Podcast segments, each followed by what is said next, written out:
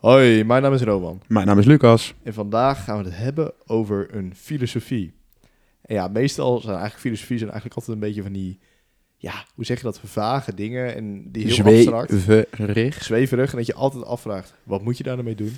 Maar wij hebben vandaag een filosofie gevonden dat gewoon lekker praktisch is, lekker pragmatisch en waar je echt gelijk direct wat mee kunt. En het eigenlijk alleen over het leven gaat. Ja, Of niet, Lucas? absoluut. En sommige mensen zullen misschien al denken van, ik weet wat het is. Maar, wat is het? Stoïcisme. Oh, ik wil eigenlijk nog een soort trommelgeroffel doen. Ik weet niet of je het hoort, maar... eh, Ik denk dat ze dat niet kunnen horen. Oh. En misschien wel de achtergrond. Maar ik heb het nu toch al verklapt. Dus, zou een eh, soort eh, tune zijn. Even kijken, zou dat werken? Ja, hier, applaus, applaus. ja, maar dat is geen Dat is geen trommelgeroffel. Misschien Nee. dat hij nog een keer moet komen, maar... Nou. eh, zo. En het ding is... Stoïcisme. Een heel applaus. Goed. Nou, goed, oké. Maar goed, ja, Lucas. Ja, wat dan ga je, ga je nou weer aan mij... Ja, je gaat weer Ja, aan mij ik die ga het weer aan jou stellen. vragen Ja. gelijk. Ja, wat is het stoïcisme? Ja, wat je al zei, eh, vaak is zo'n filosofie iets heel zweverigs. Nou, dit is dus alles behalve eigenlijk. Ehm, ja, geen vage theorieën inderdaad, of vragen. Dit is eh, een filosofie vooral gebaseerd op de feiten. De feiten, jezus. De feiten. Hey, hey, hey. Ehm, Verschoning. Zoals hun zeggen, alles om een... Ga je nou serieus in, de, in, die, in die taal van je studievereniging praten? ja, Ehm, oké, ja. ja, klopt. Het stoïcisme, alles om ons heen werkt als oorzaak en gevolg. Dat is, eh, dat is hoe we hun denken. Hoe een uh, stoi, stoïcijn, zoals je dat noemt. Iemand die eh, volgens die filosofie leeft. Hoe de stoïcijnen denken. Is dat een soort stoïst? Nee, stoïcijn. Sto oh, stoïcijn. Stoïcijn. Scherp.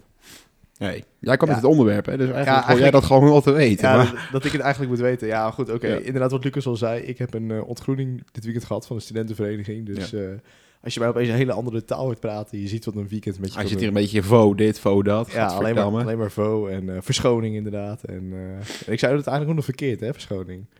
Want verschoning is eigenlijk alleen dat als je... Als je in het Engels iets zegt, als je in het Engels iets zegt, ja. Dat je Grap, wie is hier bij de studievereniging geweest dan afgelopen weekend? Ja, ja, ik. Maar Man, ik man, denk... man, eh, maar ja, goed, ik moet hem nog steeds even... ja, je bent nog steeds een beetje, ik een ben beetje hartstikke moe. Maar Oh, goed, ja. mogen, de, de hele ontgroening blijft geheim, dus daar mogen we niks over zeggen.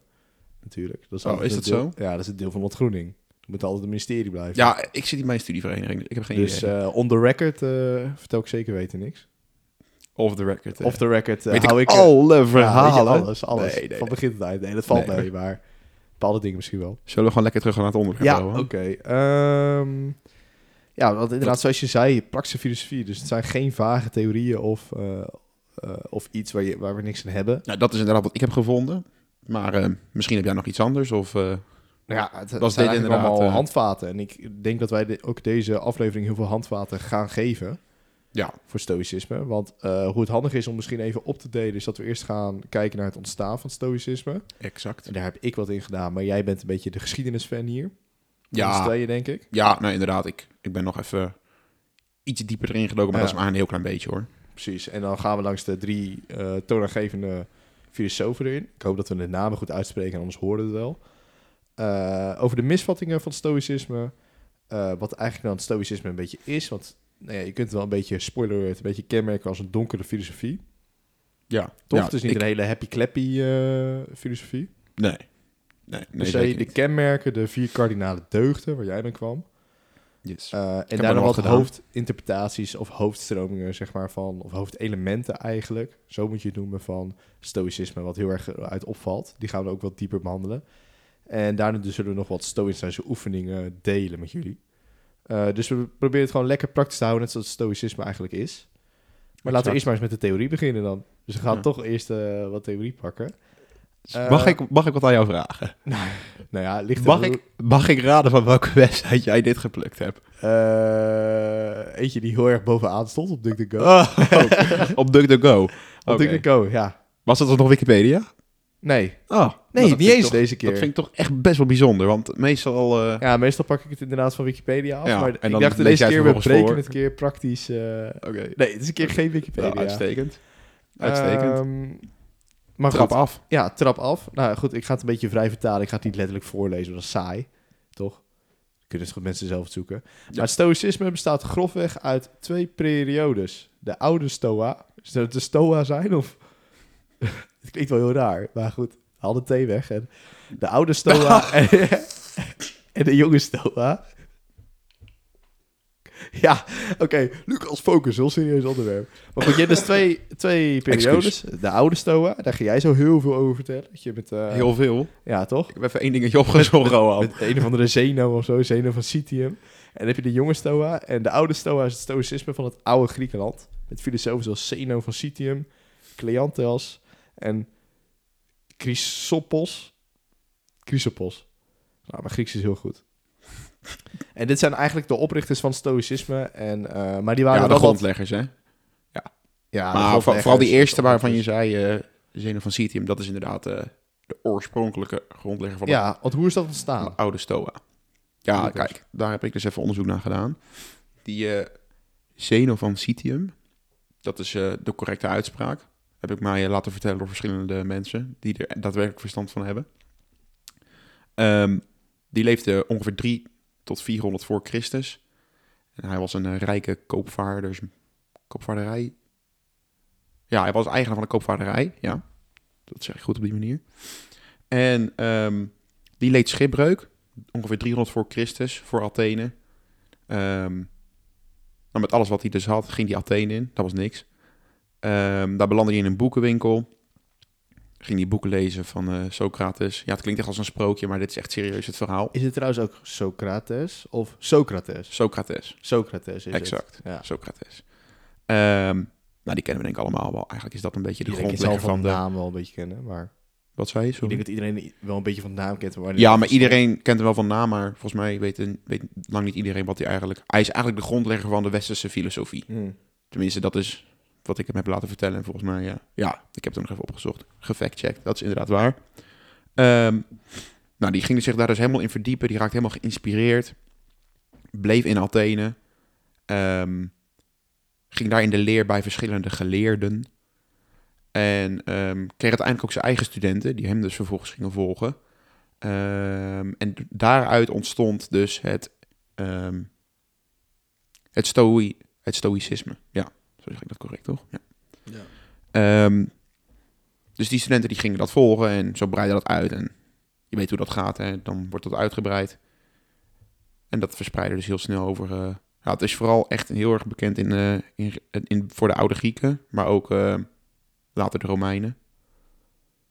Die hebben er ook heel veel gebruik van gemaakt. En dan kan mooi dat brugje worden gemaakt naar Marcus Aurelius, denk ik. Ja, precies. Want dan, dat is eigenlijk een beetje de oude Stoa. Dus dat, dat is wat, inderdaad wat minder praktischer. En, Ja, en eh, eigenlijk heeft Aurelius volgens mij wat meer gemoderniseerd. ja, mij. inderdaad. Want dan heb je die jonge Stoa, heb je, en die is over het algemeen wat meer bekend. En ook die wij Ja. nu meer gaan behandelen. Maar concluderend, die, die Zeno van Citium, die wordt dus echt gezien als de, de grondlegger van het stoïcisme. Ja, En hij heeft dus op basis van wat hij heeft gelezen, maar ook op basis van eigen ervaring, heeft hij dus dat stoïcisme eigenlijk gesticht. ja. En Ja, ondertussen Dus- komt er een of andere... Ik weet niet, begint de eh, wereldoorlog. de- Poetin, Poetin valt binnen nu toch? ik vraag me af of ik hier nog veilig ben, inderdaad. What the fuck. Ja, het is al... Ehm, maar die dus, wordt dus echt gezien als de grondlegger van het stoïcisme. Daar is het dus echt mee begonnen. Dus Ja. dat kan je zien als het beginpunt van inderdaad... Roman zei het net heel mooi, een beetje de oude, de oude stoa, de oude, de oude periode. Ik kan het woord niet meer normaal, eh, niet meer normaal Nee. aanhoren nadat jij die weer geld maakte, maar goed. Ehm, ja, en zoals ik net al aangaf, hè, de, de, Romeinen maakten er ook heel veel gebruik van. Alleen die gaven, zoals aan alles, een eigen tintje eraan.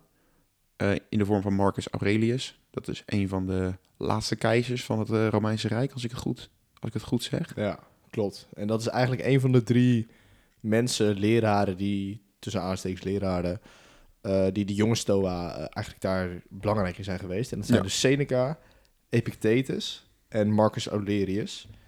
Eh, Nou, dat zeg je, zeg je vrij goed. eh, Ja, toch? Wel aardig. Absoluut. Ja. Ep- Epictetus, ja, die ken ik dan ook weer van, eh, van Michael Plastic. Die heeft hem ook heel vaak gebruikt. Oh ja? Ja, ik ken, ik ken hem dus niet. Ja, wel wel van horen zeggen, maar... ja, bijvoorbeeld dat je echt geluk kan hebben als je gewoon je omstandigheden loslaat. En echt gewoon dat je ook kiest voor wat je wil, zeg maar. Oh ja. Ja. Dat is een beetje zijn. dus hij, hij heeft heel erg over. van, eh, je hebt omstandigheden. En het, je, het je leven maakt gelukkig als je de keuzes die je maakt. Dus eigenlijk dat is heel stoïcijns, maar het verder nog over Ja, dat is heel stoïcijns inderdaad. Ja, Ja, inderdaad. Dus Dus, echt komt- je leven laten leiden door de keuze die jij maakt... en niet door de omstandigheden die je toch niet kan veranderen. Ja, ja, Ja, ja, oké. precies. Ja. Eh, en ja, nou goed, je hebt dus eigenlijk de Seneca, Epictetus en Marcus Aurelius. En die eh, Seneca en eh, Epictetus. Misschien nog goed om daarmee te beginnen... aangezien we wat langer kunnen praten over Aurelius. Kan je eens eventjes vertellen wie die twee zijn? Nou, Seneca was, eh, dat was trouwens ook een, eh, dat was ook de naam van ons maatschappijwetenschappenboek op de middelbare school. Was dachten wij van wie is dat? Maar dat weten we Nou, nu. dat weten we nu. Seneca was een van de rijkste personen eh, uit zijn tijd. En dus echt een heel welvarend man. Weet je wel, Mhm. die echt bij iedereen bekend stond als welvaart. En hij was adviseur van keizer Nero. Ja, laten we nou zeggen, als, je- als je een beetje de Bijbel kent en zo, is nou niet echt keizer Nero echt niet... Dat je denkt van echt een hele goede Excuses. keizer, zeg maar. Want die, wel, die vermoordde alle kinderen. Ja. Rond eh, de tijd van Jezus. Nou, ik ben niet gelovig, maar dat, eh, Ja, ik heb goed. de Bijbel wel gelezen. Ja, dus, precies. eh, Dus, als je- dus als je dat... eh, dus, nou ja, kun je dat iedereen zou moeten doen trouwens. Nee, nee, het beste is. Sowieso, iedereen moet hem lezen. Ja. En hij was ook een bekend redenaar. Eh, hij liet zien dat het mogelijk is om midden in het leven te staan, succesvol te zijn en toch een stoïcijnse insteek te hebben en een goed mens. Dan staat tussen haakjes proberen te zijn. Ja, maar dat probeer ik goed, eigenlijk wel. dat, daar kom je ook alweer terug. Goed en fout bestaat niet. nee, klopt. dat is ook iets zo- stoïcijns. dat Daar zo- komen we later ja, op terug. stoïcijns, inderdaad. Eh, dus ja, dit was eigenlijk een adviseur en een welvarend man. Dus hij stond echt midden in het leven, had veel invloed, maar was toch stoïcijn. Eh, wat best wel bijzonder is. Ja. Eh, Epictetus werd geboren als slaaf en diende zijn meester voor vele jaren. Hij probeerde zijn rol op een zo goed mogelijke manier uit te voeren en als teken van dank werd hij later vrijgezet. Hierna richtte hij zijn eigen filosofische school op. Dus het was een heel ander achtergrond heeft hij dan Seneca. Seneca was heel welvarend, had veel vrijheid en had waarschijnlijk zelf slaven. En Epictetus was dus een slaaf. En die is dus van slaaf naar meester gegaan. Ja, ik, had nog een mooie, verschil. ik had nog een mooie quote gezien van eh, Epictetus. Ehm, hij zegt, lijden komt niet voort uit de gebeurtenissen in ons leven, maar hoe we deze beoordelen. Maar Ja. dat is inderdaad exact het stoïcisme. Eigenlijk wat we net ook al zeiden. ehm, je leven niet laten beïnvloeden door omstandigheden. Maar hoe je op die omstandigheden reageert. Dat ligt altijd bij jezelf. Ja, Volgens het stoïcisme. ja precies. Dus het is Wel een mooie gedachte. omstandigheden. Ja, en dan heb je ook nog Marcus Aurelius. Aurelius. Aurelius. En daar heb jij volgens mij wat meer. Ja, dat is vaak bestempeld als keizerfilosoof.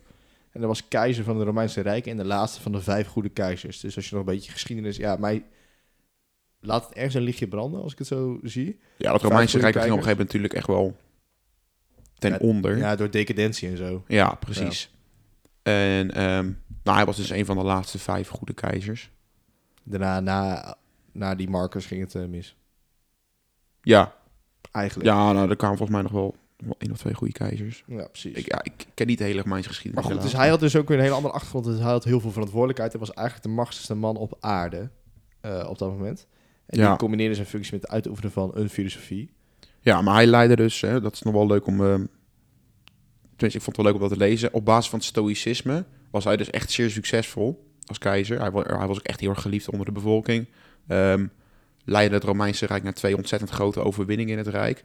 Terwijl zij juist heel erg onder druk stonden van de Germanen hè, aan de noordkant van het Rijk. Dus een beetje rondom, rondom de Rijn is dat eigenlijk. Die kwamen steeds meer zijn Rijk binnen. Ehm, en die eh, leidde dus zijn Rijk naar een hele grote overwinning op basis van, het, van zijn stoïcistische gedachten. Volgens mij is dat correct, toch? Ja, Ja. ja stoïcistische gedachten. ja het is wel een lastig woord, hè, als stiekem. Ja, dat is wel een beetje een, eh, een tongbreker. Ehm, maar hij had het in die tijd heel erg zwaar. Hij verloor heel veel kinderen. In die tijd was het natuurlijk nog best wel normaal dat je... En geboorte was eh, echt een kwestie van leven of dood. Nou, hij verloor dus eh, best wel wat kinderen.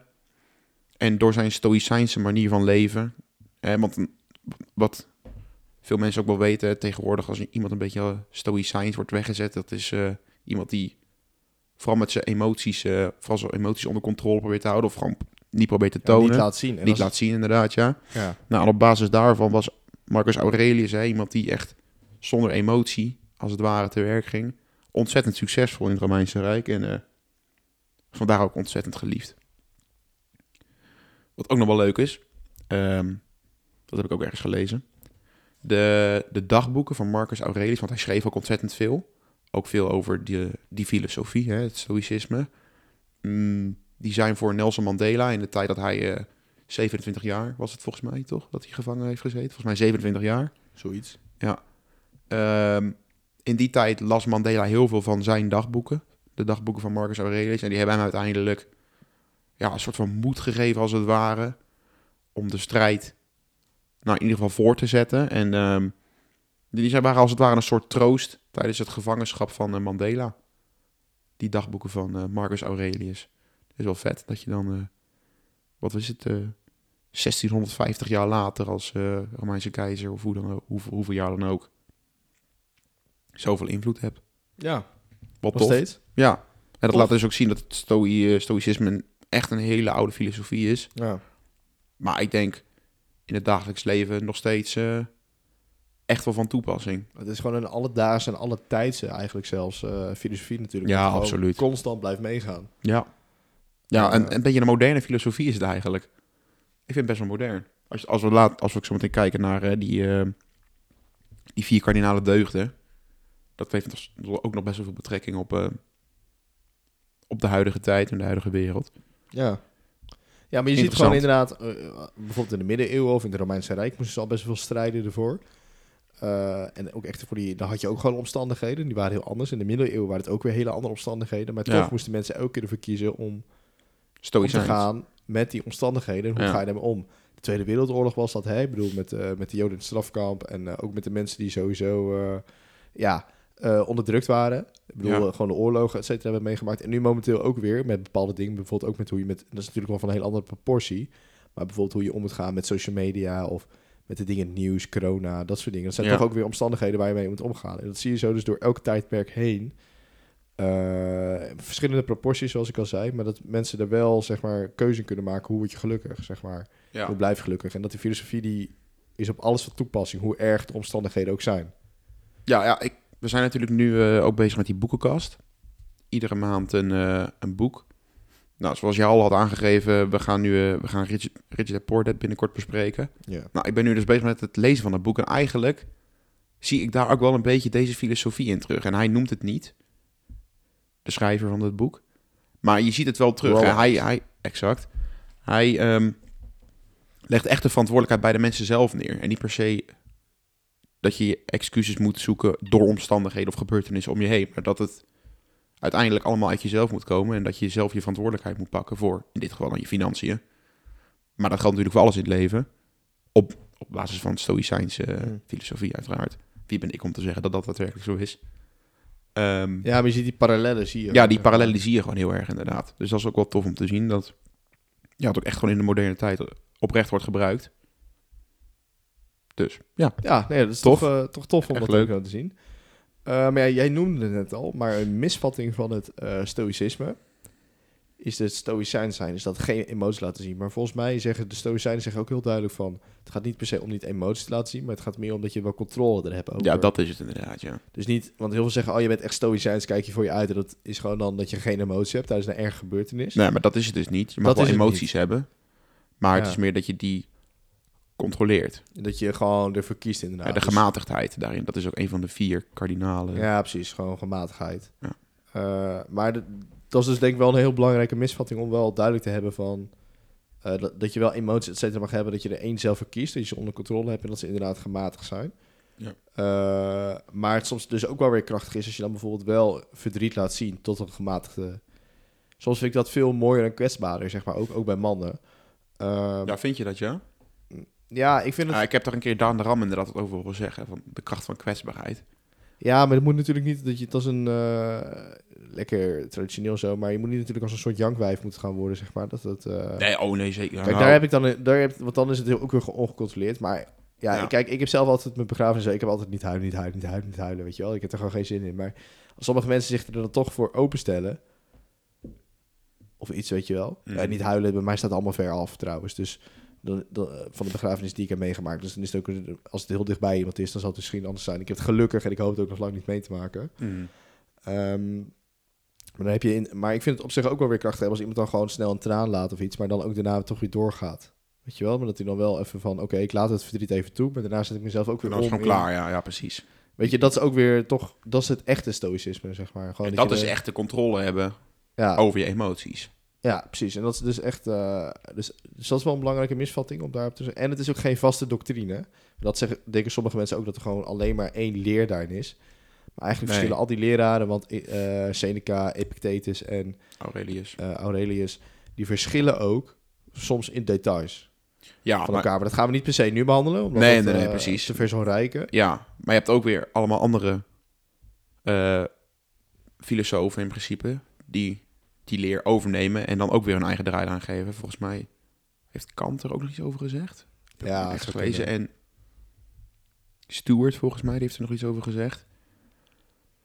Dus ja, er Maar worden goed. wel heel verschillende draaien ja, dus het is niet één vaste leer zoals het eh, Platonisme of eh, van Plato, zeg maar. Ja, nou, dat is wel een goed voorbeeld inderdaad. Ja, dus dat is echt vrij vaste leer en, eh, en dat is dit niet. Eh, maar eigenlijk dat het meer als een soort buffet is waar je zelf je gerechten op je bord kan scheppen en zelf maar ziet wat je, Ja, dat was een hele goede Eh, vergelijking. Je wat je doet. Die vergelijking zag ik ook en ik dacht van, hé, hey, dat vind ik wel goed. Oh, ja, ik dacht dat jij hem gewoon zelf had bedacht. nee, je moet er wel de, eerlijk zijn, hè? Transparant. Belangrijk. Transparant. Kijk.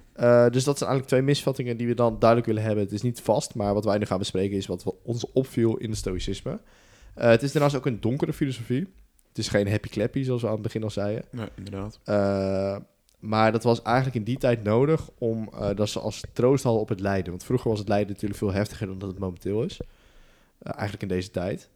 Vroeger was het Hm. echt van andere proporties en hadden veel mensen veel meer te maken met lijden dat we tegenwoordig hebben. Ja, al als je tegenwoordig soms kijkt, dan doen mensen echt alsof het, ja. de wereld in brand staat. Ja, maar goed, ten opzichte van vroeger, zeg maar, is het echt het zijn wel allemaal peanuts. Zouden die mensen sowieso verkiezen. Alleen het was dus voor hen ook troost, zeg maar. Zoals bij Epictetus was dan een slaaf. En eh, ja, slaaf is natuurlijk alleen maar uitzichtloosheid. En je weet niet hoe lang, je nog, eh, hoe lang het duurt voordat je vrij bent en zo. Maar dan had je toch een soort troost om, op het lijden. En Seneca had het misschien iets minder, maar die had natuurlijk ook wel moeilijke momenten. En Aurelius had er natuurlijk lastige momenten met hoe je om moet gaan met eh, lijden. Met, met verdriet, met, met, met rouw. Ja, maar ook het lijden met een korte ei, zeg maar. Ja, Het precies. lijden van een land. Ja, Ehm, dus het zijn weer hele drie andere, maar die dan toch inderdaad ook weer zien met hun eigen situatie. En dat kunnen we dus ook mooi zien dat het dus op iedereen van toepassing is. ja, Dus ja dat is wel gaaf. Ja. iedereen op toepassing kan zijn, omdat er zoveel verschillende achtergronden in zijn. Echt hele andere achtergronden. Mhm. En eh, daarnaast hebben zij ook wel als filosofie dat de donkere en lastige kanten vormen je. Dat willen wij ook meegeven. Ook al is het heel kut op het moment zelf. Eh, ze vormen je uiteindelijk wel. En eh, ja, ze horen ook gewoon bij het leven. Eerlijk is eerlijk. Ja. Tuurlijk, het kan niet alleen maar 100% eh, gelukkig zijn. En er horen ook gewoon lastige dingen bij. En het is hetzelfde met zonder, dat maakt je tot wie je bent ja, zonder strijd geen overwinning, weet je wel. Ik bedoel, als je alleen maar goed hebt en zo, dan heb je het ook niet. Dus eh, zonder lijden geen liefde. Zonder weerstand geen groei. Zonder weerstand geen groei, weet je. Dat heb je dus allemaal, die verschillende dingen. En het, ja, dat zit eigenlijk ook in die filosofie eh, verweven. Ja, dat, dat die donkere momenten er gewoon bij horen. Dus ook heel realistisch. Ja, Sommigen zullen zeggen... en dat is, ook het, dat is ook echt het stoïcisme. Ja. Het is gewoon heel realistisch inderdaad. Ja, sommigen zullen zeggen realisme is pessimisme. Mm, Valt wat voor te zeggen, ik- maar valt aan de ene kant wat voor te zeggen. wel heel maar extreem hoor. Dat denk je ook heel zwart-wit. Ik denk dat er wel een soort nuance in kan zitten. Ja, dat denk ik ook. Eh, maar net zoals in het stoïcisme hoor. Ik eh, zou denk ik ook wel een paar nuances in eh, kunnen vinden. Mhm. Ik zou niet... ik denk dat je wel een heel eh, beeld hebt. Ja, Als je heel stoïcijns alleen maar gaat leven en alleen maar daarmee bezig bent. Dat denk ik ook wel. Ik denk ja. het wel. Ik denk dat er heel veel realistische dingen in kunnen zitten, maar ook wel veel... Daar eh, ging moet je gewoon door laten inspireren. Bepaalde dingen zou ik meenemen, bepaalde dingen ook niet. Nou kijk, zij geloven heel erg in de wetenschap hè. Maar sommige dingen hoeven niet per se altijd maar betrokken te worden Op de wetenschap. op de wetenschap. Ja, en op cijfers en op feiten. Soms- ja, precies. sommige dingen zijn, sommige dingen zijn ook gewoon een kwestie van gevoel of Ja. Klopt. fictie. O- Oké, maar we gaan nu van de theorie gaan we af. Oh jee. Dat is nu klaar.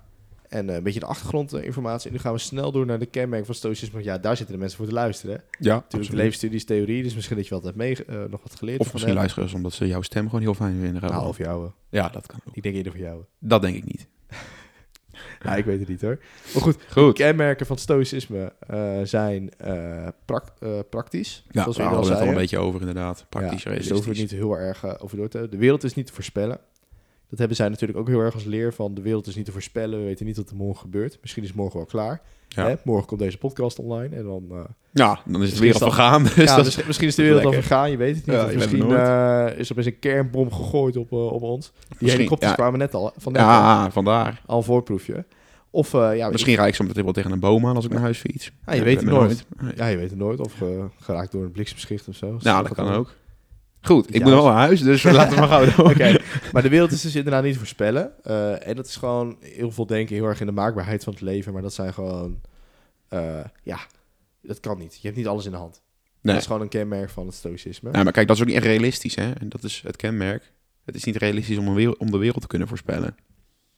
Ja, klopt. Zo zien zij dat. Dat- Ja, dat is het ook gewoon niet inderdaad. Eh, veranderingen zijn altijd dichtbij. Oftewel, eh, iedereen denkt altijd veranderingen komen pas later. Maar het kan ook zijn dat het al heel snel is. Misschien dat er morgen al verandering komt. hè? Ja. En, eh, of misschien volgende week al iets. Dat opeens iets helemaal gebeurt of er een nieuwe kans komt. Dat het dan opeens helemaal verandert.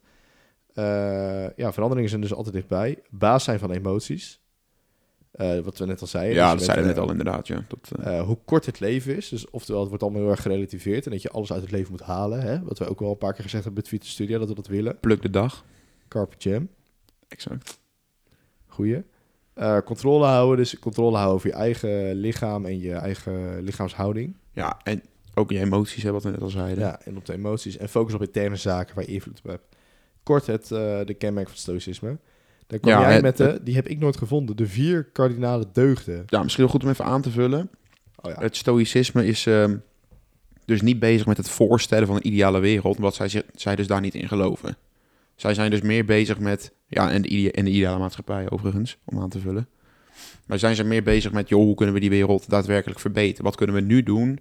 Wat is een realistische manier van hè, nu die wereld of nu de aarde aanpakken en wat nu te verbeteren? In plaats van helemaal voorstellen wat die ideale wereld dan is. En want zoals jij al zei, de wereld is niet te voor- voorspellen, CQ voor stellen, de ideale wereld. Dus daardoor kijken zij liever naar, goh, wat is realistisch om gewoon nu te doen? We kijken naar het nu, wat is praktisch? Zo staan zij er dus ja in. precies. Dus dat is even een kleine toevoeging tussendoor. Goeie. Maar inderdaad, ehm, jij maakte net al een bruggetje. De vier kardinale deugden. ehm, ja, dat wordt dus inderdaad echt gezien als eh, een beetje de basis van het stoïcisme. En volgens mij is dat dan wel een beetje de basis van, het, van een wat nieuwere periode. De, de- hoe zei je het net nou? De, De nieuwe, nieuwe de nieuwe Stoa. Stoa. De nieuwe Stoa, ja. Nieuwe stoel. Ehm, nou, misschien goed om ze gewoon alle vier eventjes eh, te, beno- te benoemen. Ehm, die eerste deugd is praktische wijsheid. Tweede deugd is gematigdheid. Derde deugd is rechtvaardigheid. En de vierde deugd is moed. Ehm, nou, praktische wijsheid. Ja, we zeiden het net al. Het is dus echt een hele praktische filosofie. Eh, ja, daar wordt dus echt heel veel gebruik van logica. Dat is in principe, volgens mij noemden zij het heelal ook logos. Dacht ik, heb, heb ik ergens gelezen. Nou, dat, dat staat dus inderdaad ook gewoon echt letterlijk voor logica. Ehm, dat is dus echt hoe zij, eh, hoe zij deze, hoe, de, hoe deze filosofie is, wat deze filosofie inhoudt. Ehm, ja, de gematigdheid, dat is dus echt de zelfbeheersing. Dus jezelf kunnen beheersen van niet Netflix kijken de avond, bijvoorbeeld. Of ehm, vies te eten, slecht te eten.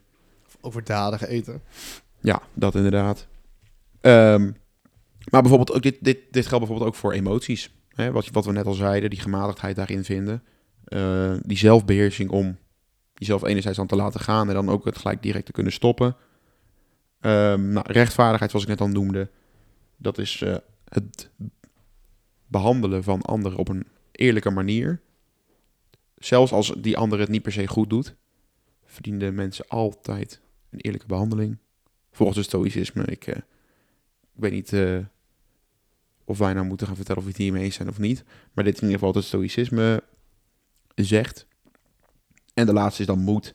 Ehm, in alles moedig zijn en altijd de uitdaging willen, uit, willen aangaan. Ja, dat zeiden we net eigenlijk ook al een beetje. Dat eh, de donkere kanten van het leven, die, die zorgen uiteindelijk dat jij de persoon wordt die je uiteindelijk zal zijn. En daarin is moed dus wel belangrijk. Dat je altijd maar durft te gaan, durft te leven. En Ja. ga die uitdaging aan. Precies. Dus dat zijn de vier kardinale deugden. Oké, top. Dus dat zijn eigenlijk een beetje de vier ja, kapstokken waar de rest omheen hangt. Ja, ja, een soort van de fundering als Ja. het ware van, van het huis. De, de pilaren. Ja, de vier pilaren, inderdaad, zo zou je het ook kunnen zien. Ja, inderdaad. Dus gewoon inderdaad de vier dingen waar de rest eigenlijk op gebaseerd is. Heel kort, eh dankjewel daarvoor. Dan gaan we gelijk met de Ja, eerste grote eh, hoofdstroming binnen... Ja, één groot hoofdelement binnen het stoïcisme. En dat is eigenlijk dat al, alles is slechts een interpretatie. We zeiden het net al, hè? we zeiden net van goed. Maar ja, hey, goed bestaat niet. En eh, goed en slecht bestaat eigenlijk niet. exact. Het is meer hoe wij zelf de interpretatie hebben gegeven aan het goed en slecht. Eh, daarin is het altijd makkelijk om gewoon voorbeelden, want het klinkt natuurlijk nog een beetje abstract. En een voorbeeld daarvan is een ontslag. We hebben zelfs twee voorbeelden.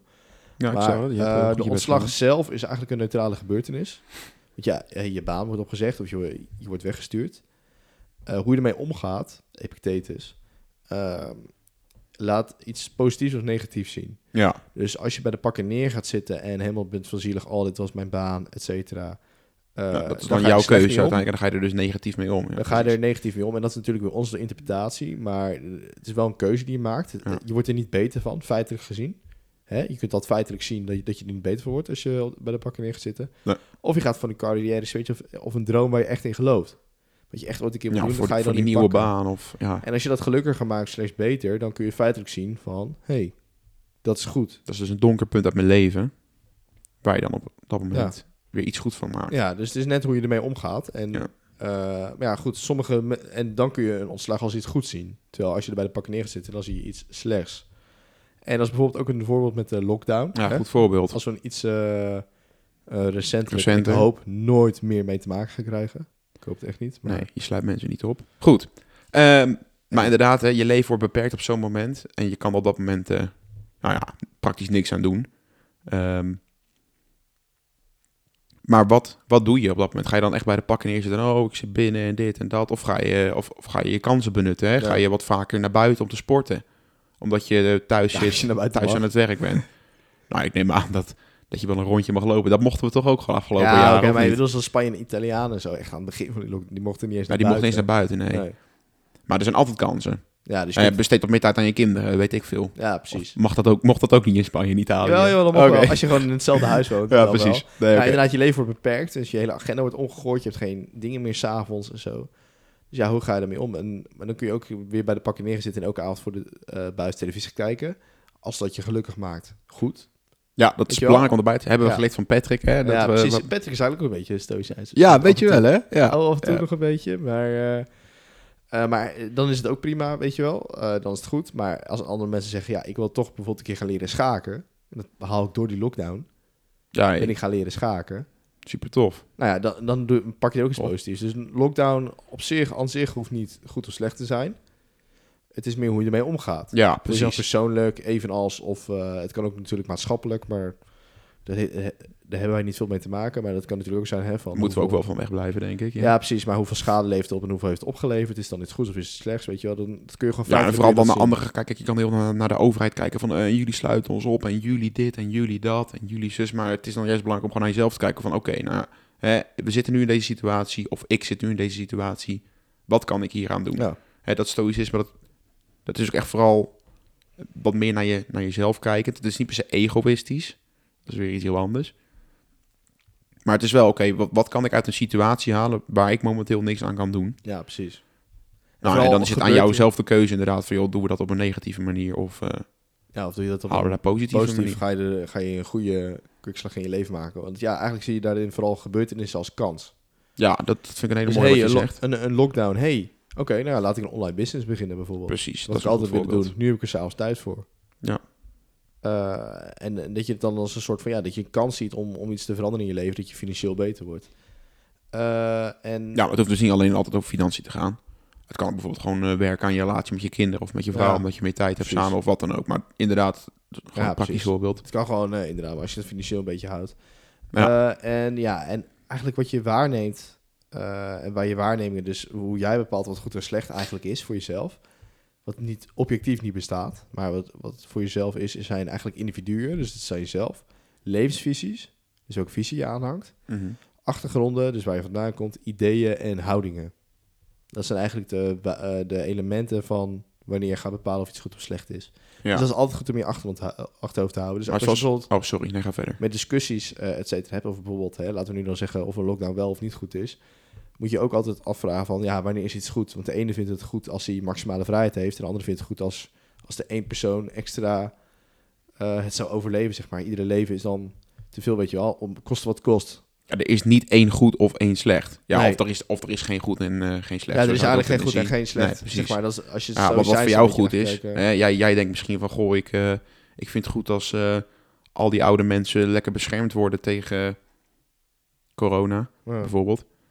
En ehm, ik zeg van, ja, nee, maar ik vind dat... eh, ik vind het goed als we gewoon al onze vrijheid terugkrijgen. En Ja. jammer dan. En Eh, dat dat en is voor ons allebei goed. dat Eh, dat is een andere goed. Ja, dit is gewoon een andere visie. eh, en dat is inderdaad wel goed om ook gewoon ook voor jezelf in de gaten te houden. Weer als, als misschien weer die discussie deze winter. Ja, het zijn toch een beetje berichten weer die opkomen Ja. waaien. Maar als dat weer aankomende winter is, om, om voor jezelf, ook voor mezelf hoor, is dat iets. Om in de gaten te houden van de- dat je weet, er zijn andere achtergronden, er zijn andere visies, er zijn ook andere belangen. Dus er is geen goed, er is geen fout. Het is alleen je eigen waarneming die je hebt. Ja, En dat komt weer terug op Patrick. Met ook met die discussies met niet oordelen. Laten we echt eens serieus kijken naar inderdaad die anderen. Dus, ja, dat is echt wel goed. Echt wel goed, inderdaad. ja, dus daar zie je ons. de overloop eh, in. Zeg maar, dat, ja, die, die zie je daar gewoon in. Eh, en dat is gewoon goed om, eh, om mee, te, mee te geven. in je achterhoofd te houden, in ieder geval. Of om er überhaupt over na te denken. Ja, nou, voor mij is dat inderdaad wel echt eh, belangrijk. Ik heb het al wel vaak aangegeven dat ik gewoon minder snel eh, zeg maar, moet oordelen. Of überhaupt mezelf wat vaker moet verplaatsen in iemand. En dat bevestigt Ja. dit ook maar weer eens een keer. Dus ja, je ziet, er bestaat geen goed en slecht. En eigenlijk alles is een interpretatie. Ja. Dus sommige mensen zullen zeggen, hey, dit is een goede podcast. Andere mensen eh, die meer fan zijn van voetbal, die zullen zeggen, hey, dit is een slechte podcast, want het interesseert me geen Ik reet. vind het geen, geen fuck aan. Dus het interesseert me echt geen reet, zo René Kars dan, zeggen. dan luister je niet. nee. Precies. En dan, eh, dan zing je het liedje. Ja, nou, Ken je dat ik- liedje niet? Ja, ik ken dat liedje Oh, zeker ja. wel, ja. Maar eh, Een goede ik sta ook wel eens in de kroeg, Rohan. eh. ja, ik, ga dat Luister je als- weer vieze asbak. ik ga dat als... Ja, ook daar doen we dus geen uitspraak over. we gaan... Opkoming artist. we gaan oh nee, lekker verschoning, door. opkomende artiest. Oh, oh, oh, oh, Oh, oh, oh. Ja, een slokje van mijn water. Heel goed. De volgende hoofdstroming de bindings is op welke zaken heb je, heb je invloed? Daar hadden we net al een beetje over. Eh, dus je moet echt heel duidelijk onderscheid maken tussen waar je wel en waar je geen invloed op hebt. Mhm. Ja. Eh, dingen waar je bijvoorbeeld geen invloed op hebt, is dat de zon opgaat en weer ondergaat. Nou, dat vind ik een hele mooie. ja, ja of, of, of, of een heel simpele, ja, wat voor weer het is. Ja, goed. Ja, heel leuk dat het, eh, weet ik veel, dat het nu regent. Scheid weer is. Ja. Ja. nou, wat ga je doen? Ga je nu binnen zitten of ga je een paraplu pakken en loop je toch naar het ding waar je naartoe moet? Ja, Ja, dat zijn keuzes. dat is een keuze. Weet je Keuze, keuze, keuze. Keuzes, keuzes. Nou ja, oorlogen. We kunnen natuurlijk... Klinkt misschien weer een beetje stoïcijns. En dan zeg ik wel zonder emoties. Dus ik maak nu zelf de misvatting. Maar je kunt je heel erg druk erom maken en alles. Maar ehm, ja, je hebt er geen controle over. Nee. Dus in hoeverre moet je er heel erg druk om gaan maken, zeg maar. Moet je, je kunt kijken waar je bijvoorbeeld de Oekraïners er nu mee kan helpen. Hè? Eh, wat ze heel veel van die hulplijnen, et cetera, hebben. En eh, ja, dat, dat, dat- toch dat al die, Ja, of de vluchtelingen, dat ze die hier nu naartoe halen. Ik bedoel, dat is wat we kunnen doen om die mensen te helpen in oorlogen. Ja. Maar in hoeverre moeten wij er ons dagelijks druk mee zijn, zeg maar. Heel veel geld moet er naartoe, et cetera. Dat is altijd de vraag. Excuses. Crisis? Ja, Arenal lekker. hits hard. Nog steeds. Ja. Crisis. Eh, ja, crisissen. Hè, stikstofcrisis. Ja, hoeveel, crisis. ja, hoeveel kun je er nou aan doen? En ook Stikstofcrisis, coronacrisis, ja, voedselcrisis, watercrisis, crisis, crisis, crisis. frikandelcrisis. Frikandel, frikandellencrisis, ja. ja. Ja. Ja, dat is toch recent trouwens. Dus ja, dat, ja, dat is eh, vrij recent, hè. ja. Eh, en Vandaag de dag, eh ja, het vandaag dinsdag 6 dinsdag. september. Morgen 7 september komt hij online. Dus dan, Ja, dat klopt. ja, weet je nog de. Tenzij de wereld vergaat, hè, zoals we net al zeiden. Ja, Ja, dan dat hij überhaupt niet. Of dan mijn laptop nu opeens uitvalt. dat zou normaal pijnlijk zijn. Dat zou ook wel wat zijn. Neemt hè? hij wel op ondertussen? Shit. Ah, rot op. Nee, grapje. God, echt. Ik, Ik ik, wil even kijken naar je hoofd. Heb ik hier nou een half uur voor, voor, voor Jan met kort achternaam zitten ouwe hoeren? Dit zal het geweest zijn hoor. Ja, Maar eh, nee, hij loopt gewoon nog steeds door. geweldig. Eh, maar focus je dus wel op zaken waar je zelf invloed hebt. En dat is zijn je houding, reacties die je geeft, Ja. gedachten die je hebt en standpunten die je aanneemt. Eh, heb je echt invloed op je gedachten?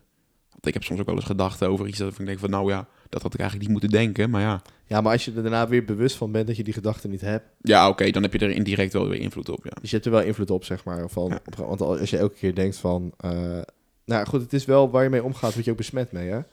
Dus als je nu heel erg veel bezig bent met voetbal, ga je heel veel denken aan voetbal.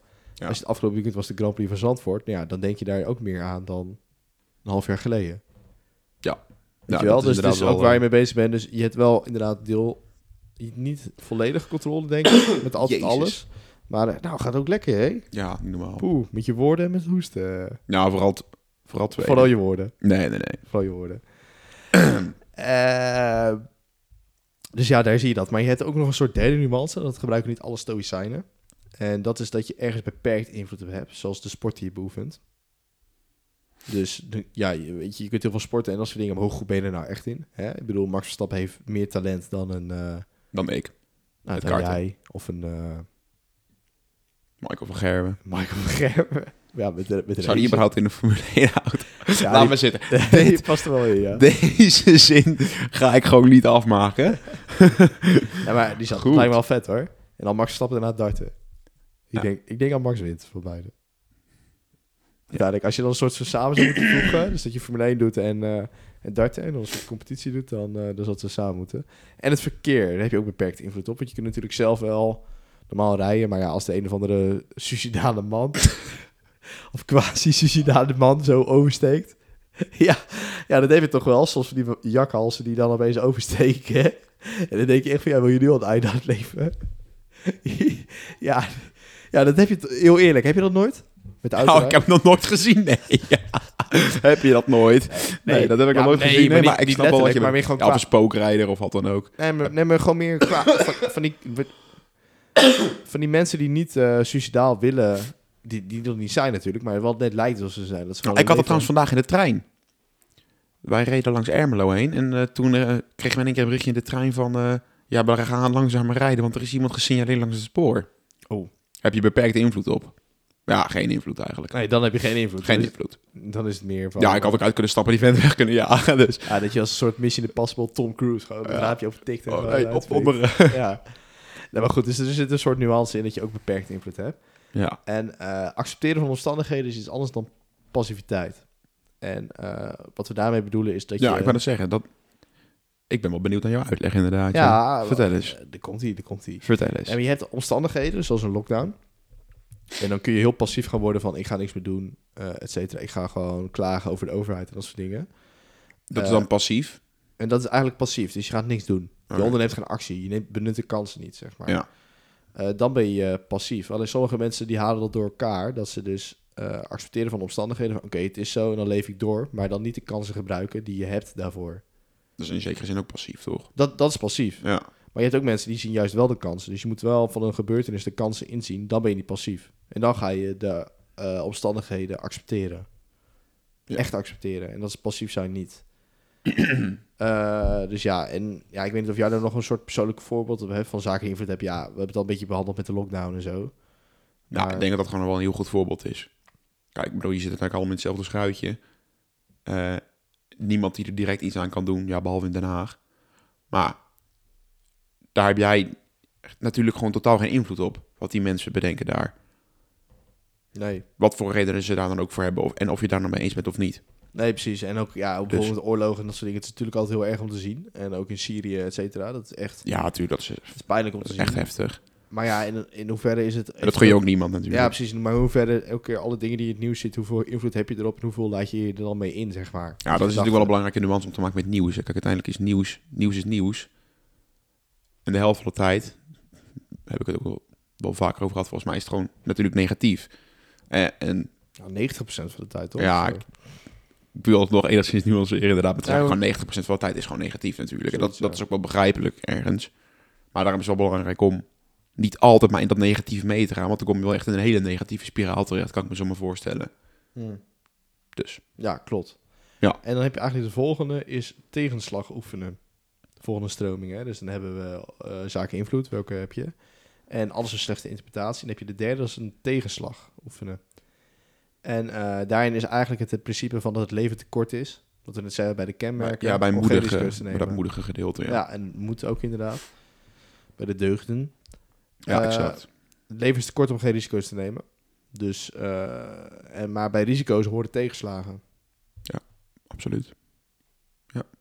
Toch? Dus on, ondanks weer die leven weerstand, moet Je, ja, je moet weerstand hebben, dus dat zul je ook krijgen.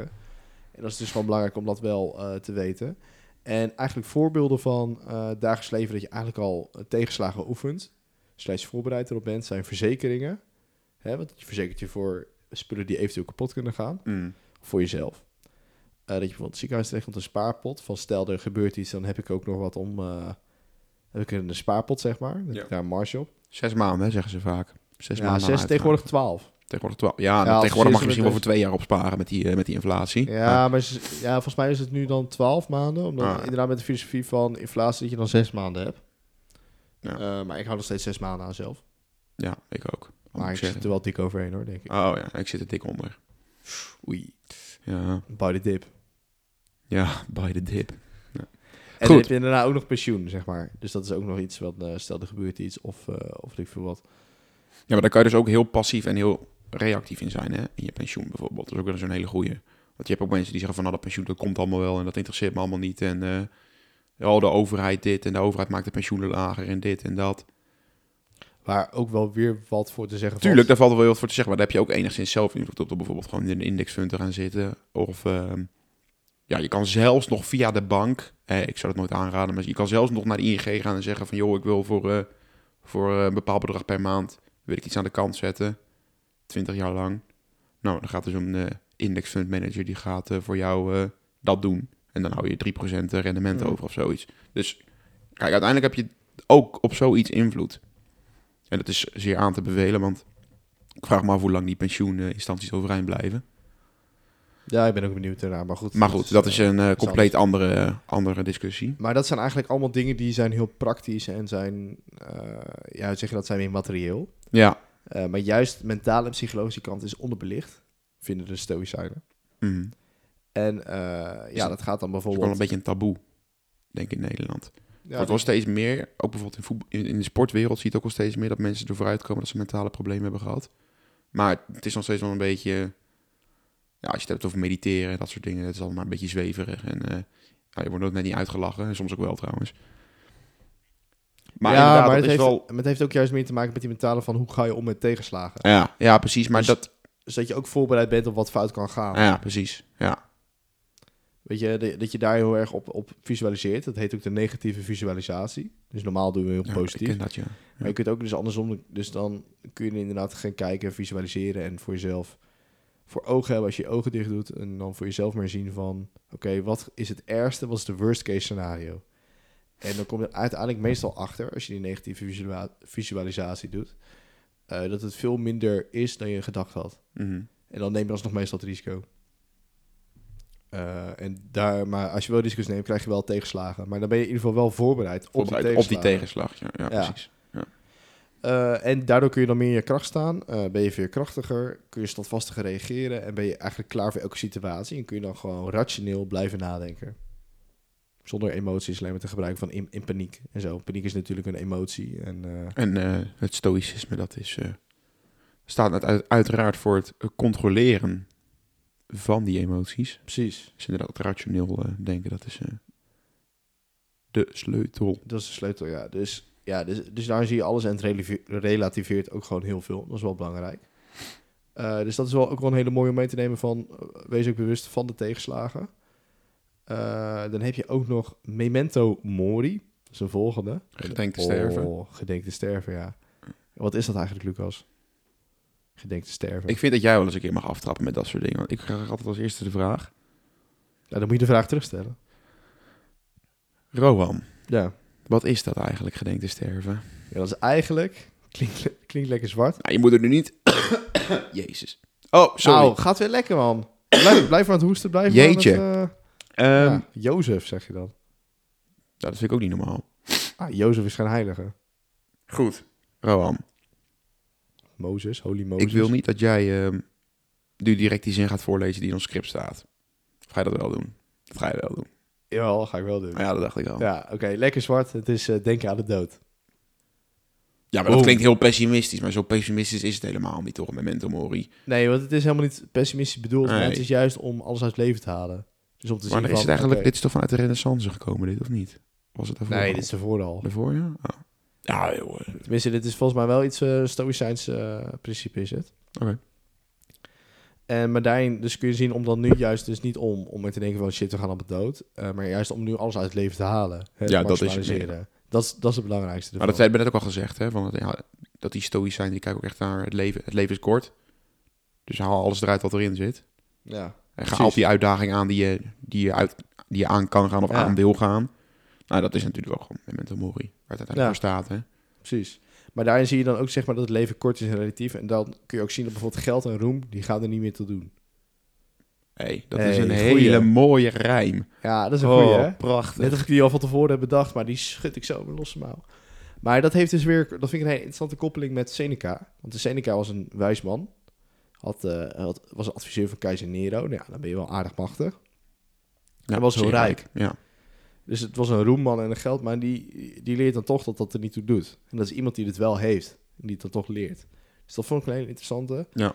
En ook iets anders wat je bij Memento Mori hebt... is dat er veel problemen eh, zijn er dan niet meer of zijn heel klein. Dat je toch ja, daar heb ik- je... heb je ook dat boek van, Dinsda Mijn Dinsdagen met Mori. Ik heb die niet gelezen, maar ik heb dat gehoord van Tibor.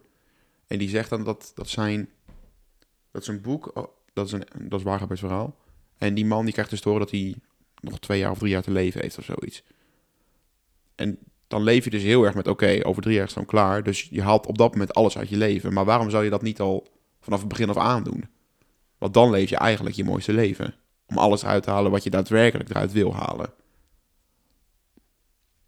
Ja. Dus dat is echt een voorbeeld van. Ja, dus meer gewoon van, mental stel je gaat over een jaar dood, of over twee jaar, wat zou je dan willen doen? Dan, Nou, het is natuurlijk oud-Nederlands en gedenk te sterven, maar het betekent natuurlijk hou in je achterhoofd. Of denk er, ja, ja, het is niet zo dat je iedere dag ermee moet opstaan, maar denk eraan. Ja. Op een gegeven moment is het gewoon klaar. En jij bepaalt niet altijd. Dus je hebt, soms heb je er een beetje invloed op, maar je bepaalt, jij bepaalt niet altijd wanneer. Nee, Daar heb je niet altijd invloed op. nee, zeker niet. Soms wel. Maar Hey. meestal niet.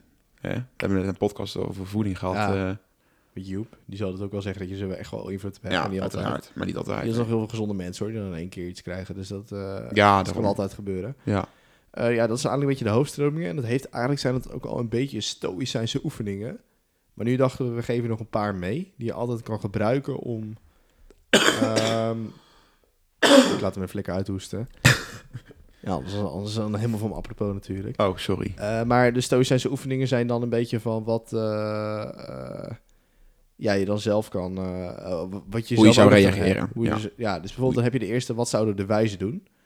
En dan kun je visualiseren hoe de basis van het stoïcisme zou reageren op bepaalde omstandigheden. Dus hoe zou Seneca, eh, Epictetus en Aurelius, hoe zouden die reageren op bijvoorbeeld een ruzie?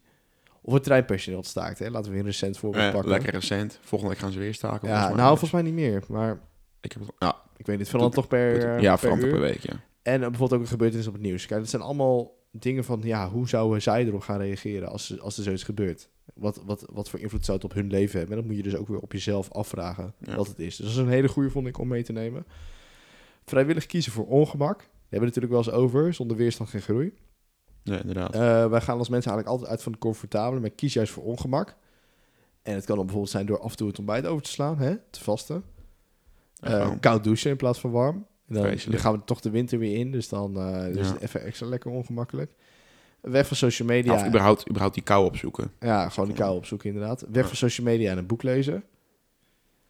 Ongemak. Dat is natuurlijk ook eh ongemak, eh, ja, wat meer Extreem ongemak. vroeg opgesta- op gaan staan. Ja, extreem vroeg opstaan en extreem vroeg naar bed. Eh slapen op een luchtbed. Dus niet alleen maar genieten van je bed, maar ook af en toe eens eh, wat minder lekker liggen. Ja, heb je, ik, oh, ik heb dat nooit. eh, ja. Ja, maar dan kies je wel voor ongemak. dat is wel ongemak. Waardoor je ja. dus maar ik ben echt de- heel erg gesteld op een goede slaap, zeg maar. Dus Ja, precies. Alleen, dus dan, maar dan ben je er nog extra meer op gesteld als je dan ziet van, oh, wat een luxe hebben met een, met een bed. Zeg maar, als je het één dagje doet. Ik heb bijvoorbeeld afgelopen weekend met het eten van Otgroening. ja, ik ga er niks over hey, zeggen. nee, jij mag geen inhoud. eh, Nee, ik mag geen inhoud, maar het eten was eh, niet het beste wat ik ooit op heb. Dat is een understatement. Eh, maar goed, dan ga je eten, ga je wel weer waarderen, zoals zondag. Toen ik afgelopen zondag eh, weer lekker eten kreeg. Dat was echt, echt top, zeg maar. Dus je zie je ook weer dat als je dan juist weer even het ongemak hebt, een paar dagen, dat je ook weer de gemakkelijke dingen weer gaat eh, waarderen. En ook bijvoorbeeld een keer de fiets pakken in plaats van de auto.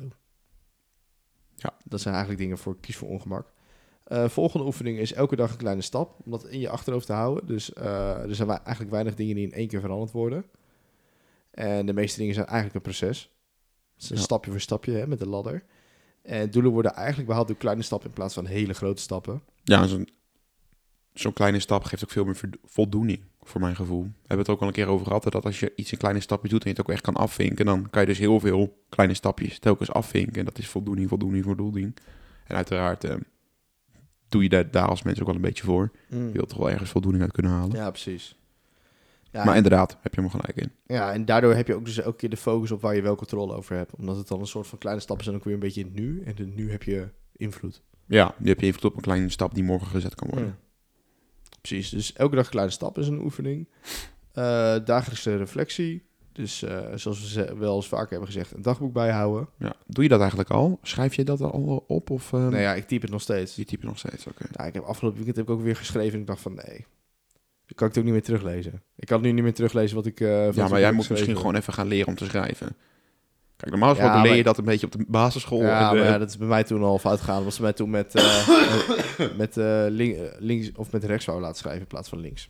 Dat is goed. Dus nu kan ik er nog maar met rechts schrijven.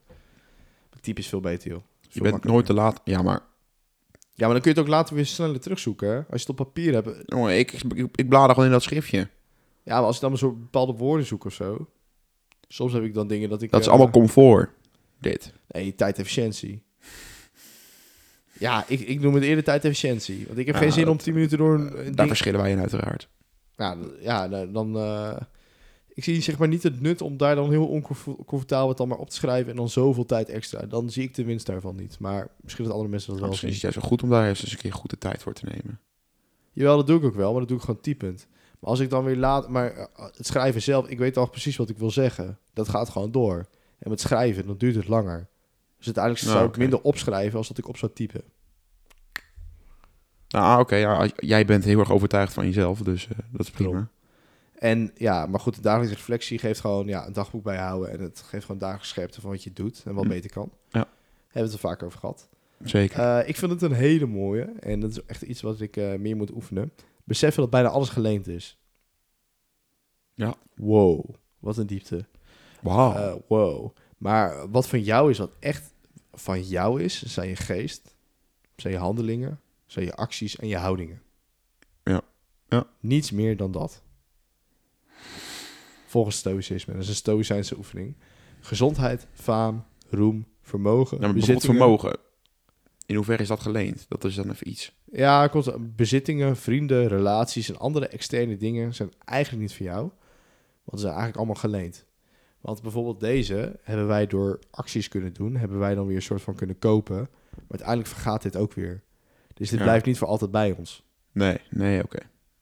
En dat is Ja. dus ook zo met, eh, met roem kan weggaan, vermogen inderdaad kan weggaan, bezittingen, vrienden kunnen ook weggaan. Relaties. Relaties kunnen inderdaad komen en weer weggaan. Eh, ik zeg niks. ik, Eh, ook, ja, ik ook niet. dus- Goed. Ja, nou goed, ja, relaties, maar ja, ook met je, met je ouders en zo. Kijk, mensen zijn gewoon, het is gewoon tijdelijk, maar eh, en dat is niet van jou. Dat is gewoon, dat, dat heb je gekregen en dat leen je gewoon. Dat kan ook zo weer weggaan. Eh, ja, dus dat is ook wel een besef goed om, om, om te zien dat, dat het niet allemaal van jou is, maar dat het gewoon geleend is, dat het meer een cadeau is. Ja. En plaatst het ook een beetje in perspectief. Ja, precies. En om perspectief te hebben, ken je plek. Ja. Dus besef hoe klein en relatief je bent op aarde. Het is niet heel groot. Sommigen zitten heel erg in het grootheidswaanzin. En eh, dat ze denken dat ze alle invloed Nee, hebben op de maar hele ik- wereld. Even om onszelf even een eh, schouderklopje te geven. Ik vind dat wij dat wel goed doen met onze podcast. Hè, zeker ook, eh, je hebt er ook bij gezet, geef veel nuance. Maar wij geven ook aan. Wij zijn absoluut geen, eh, geen experts. En ja, ik denk dat dat heel goed is om wel, eh, wel te beseffen dat jij niet, eh, niet de oplossing hebt. Of eh, niet, wat je, niet alles wat jij denkt is, eh, is zoals het is. Ken je plek? Ken je plek, absoluut. inderdaad. Heel belangrijk. Zeker. Dus ja, ken je plek is een stoïcijnse oefening. En eigenlijk de laatste, en daarna gaan we afsluiten, is visualiseer je ideale zelf. Eh, dat kan je ego Ja, ik strijken. zeggen, dat is wel lekker... eh, Dat je al denkt van wow. Dat je echt denkt, eh, van, dit. goh, ben ik toch ongelooflijk eh, goed zeg. Maar, zoals stoïcijnen zeggen, is dat niet de bedoeling. Want we nu denken wel dat je al denkt van ja, dat lijkt me niet echt stoïcijns om dat te doen. Want het is eigenlijk belangrijk om je ideale zelf te zien en dan te kijken waar je nu bent en welke gaten ertussen zitten. Dus wat je Oh, nu ja. bent en je Ja. ideale zelf. En dan kun je die gaten kun je dan gebruiken om jezelf te verbeteren. Dus dat is eigenlijk de stoïcijnse oefening daarvoor. Ja. Wat, eh, ja, wat ook belangrijk is. Eh, en ja, en eigenlijk is dat de laatste stoïcijnse oefeningen. Dus ik zal ze nog allemaal kort opnoemen om nog even op te frissen. Wat zouden de wijzen doen? Vrijwillig kiezen voor ongemak. Elke dag een kleine stap. Dagelijkse reflectie. Beseffen dat bijna alles geleend is. Ken je plek en visualiseer je ideale zelf. En eh, ja, daarmee is eigenlijk van... Ik weet niet of jij nog wat hebt, Lucas. Maar Nee, weet je, ja, ik vind het in ieder geval echt heel interessant. Ik had er wel van gehoord.